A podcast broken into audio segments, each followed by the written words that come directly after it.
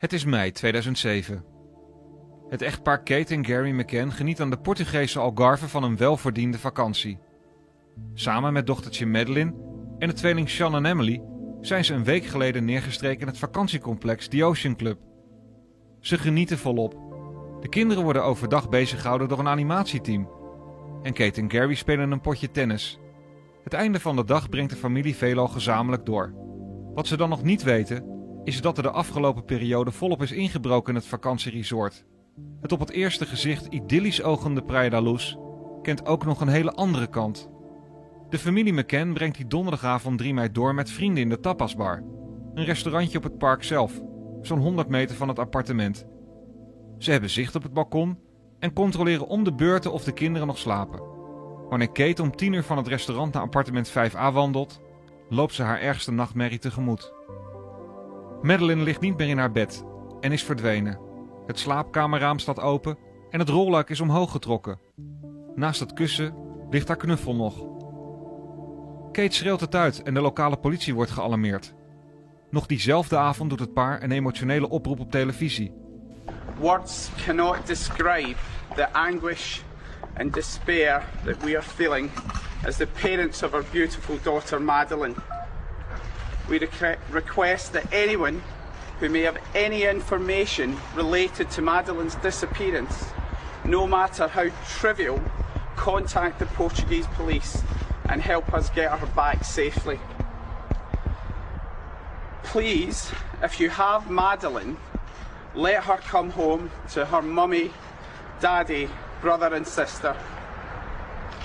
As everyone can understand how distressing the current situation is, we ask that our privacy is respected to allow us to continue assisting the police in their investigation. Thank you. De zaak McCann heeft mij altijd gefascineerd.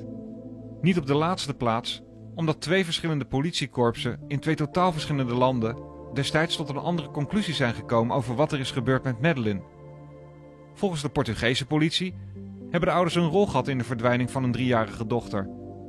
De Britse politie vermoedt dat Madeline is ontvoerd na een uit de hand gelopen inbraak. Het is 3 mei 2017, precies 10 jaar na de vermissing. Voor mij ligt het dampende asfalt van de A22. De zon schijnt. Over een kleine 20 minuten kom ik aan in Praia da. Een stad die ik wel honderd keer op foto's en video's voorbij heb zien komen. Een stad waar zoveel over is geschreven. Ik heb het door de jaren heen denk ik allemaal gelezen. Een stad die voor altijd tegen wil en dank verbonden zal blijven aan Madeleine McCann. Onderweg moeten we slag zijn maken om een dronken fietser op leeftijd te ontwijken. De man rijdt met een biertje in zijn hand midden op de weg. Aan de kant van de weg zit een hoertje op een stoel. Haar afwerkplek is kennelijk in de bosjes. Ik zal nog diezelfde week in Albufeira drugs aangeboden krijgen. Het beeld van een prachtig vakantieoord is even verstoord. Heel even maar. Gewoon omdat het niet rijmt. Het klopt niet. Dit is toch het paradijs op aarde? Ik neem de afslag los en rij via een smalle weg langs enkele vrijstaande huizen verder. Huizen zoals alleen Portugal ze kent. Wit en karakteristiek. De navigatie leidt mij naar de Ocean Club. En nog voordat ik er erg in heb, draai ik de straat in. Ik herken het meteen. De film begint te draaien. Het gebied krijgt kleur. Dit is de plek van werelds meest besproken mysterie. Ik parkeer bij een supermarkt verderop en wandel richting het vakantiecomplex. De straat staat vol met buitenlandse media. Straalwagens staan opgesteld tegenover de receptie, waar men nerveus naar buiten kijkt. De boodschap is wel duidelijk. Hier zit men totaal niet op te wachten. Ik raak in gesprek met een verslaggever van de Daily Star. Hij vraagt mij naar mijn beweegredenen om af te reizen naar Loes. Mijn verhaal staat wonderwel nog diezelfde avond keurig geciteerd in het online roddelblad. Wel staat er een foto van mij bij, waarin wordt verondersteld dat ik een heigerige toerist ben die even snel een selfie maakt voor het wereldberoemde appartement. In alle rust neem ik de omgeving in mij op. De theorie dat de ouders iets te maken hebben met de verdwijning van hun dochter heb ik jaren geleden al afgeschreven. Deze mensen zijn totaal onschuldig en worden tot op de dag van vandaag op veelal schandalige wijze lastiggevallen. Ik baseer deze conclusie op basis van het feitenrapport van de politie. de omstandigheden en een recente verklaring van de Britse onderzoekseenheid. De ouders hebben er niets mee te maken. Ook de theorie dat het meisje is gaan wandelen op zoek naar haar ouders, is aangereden en vervolgens is verstopt door bijvoorbeeld een dronken automobilist, is hoogst onwaarschijnlijk. Madeline zou namelijk altijd haar knuffel hebben meegenomen en kon daarnaast zelfstandig helemaal niet naar buiten. Ook trof de moeder het raam open aan. Iets dat een driejarig meisje onmogelijk zelf heeft kunnen doen. Nee, Madeline is doelbewust uit het appartement gehaald.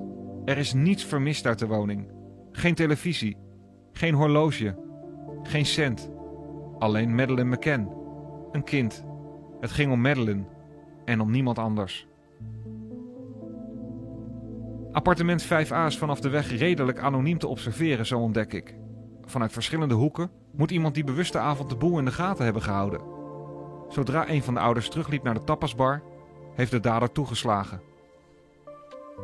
Mogelijk is het blonde meisje in de dagen voor haar vermissing in de smaak gevallen bij een pedofiel of bij een vrouw of echtpaar dat zelf geen kinderen kon krijgen. Het is de enige relevante theorie op basis van rapporten, feiten en omstandigheden. Maar bovenal het aanschouwen van de situatie ter plekke. Aan de randen van Loes is achterstand, verkeert een enkeling in psychische nood en kent men bovenal de weg. Loes doe je niet even snel aan voor een inbraak. De kans is veel te groot dat je wordt gepakt tijdens een vlucht uit het dorp of op video wordt vastgelegd op de tolwegen. De dader of daders komen dan ook uit de buurt, uit de zeer nabije omgeving. Locals. Een local. En ik vermoed zelfs dat ze er nog steeds wonen. Psychopaten zijn vaak honkvast. In hun eigen wereld. Dat betekent ook dat volgens mijn theorie Madeleine McCann nog steeds in Praia da Luz is. Ik sluit ook niet uit dat ze nog in leven is en verborgen wordt gehouden. Ze was pas drie jaar oud en heeft mogelijk geen idee van haar afkomst. Bij het kerkje in Praia da Luz is een bosje bloemen neergelegd en een kaarsje opgestoken. Het is enerzijds een liefelijk beeld, maar aan de andere kant ook karig. Het merendeel van de bewoners van Praia da Luz is het circus rondom de McCann-family helemaal zat. En dat steken ze niet onder stoelen of banken. Van de 400 medewerkers van de Ocean Club zijn er nog maar 20 in dienst. Het toerisme heeft een enorme klap gekregen door de affaire.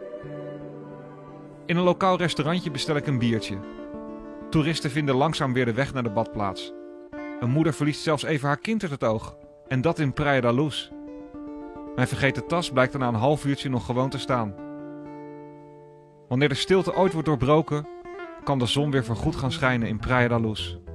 Ik proost op een goede afloop.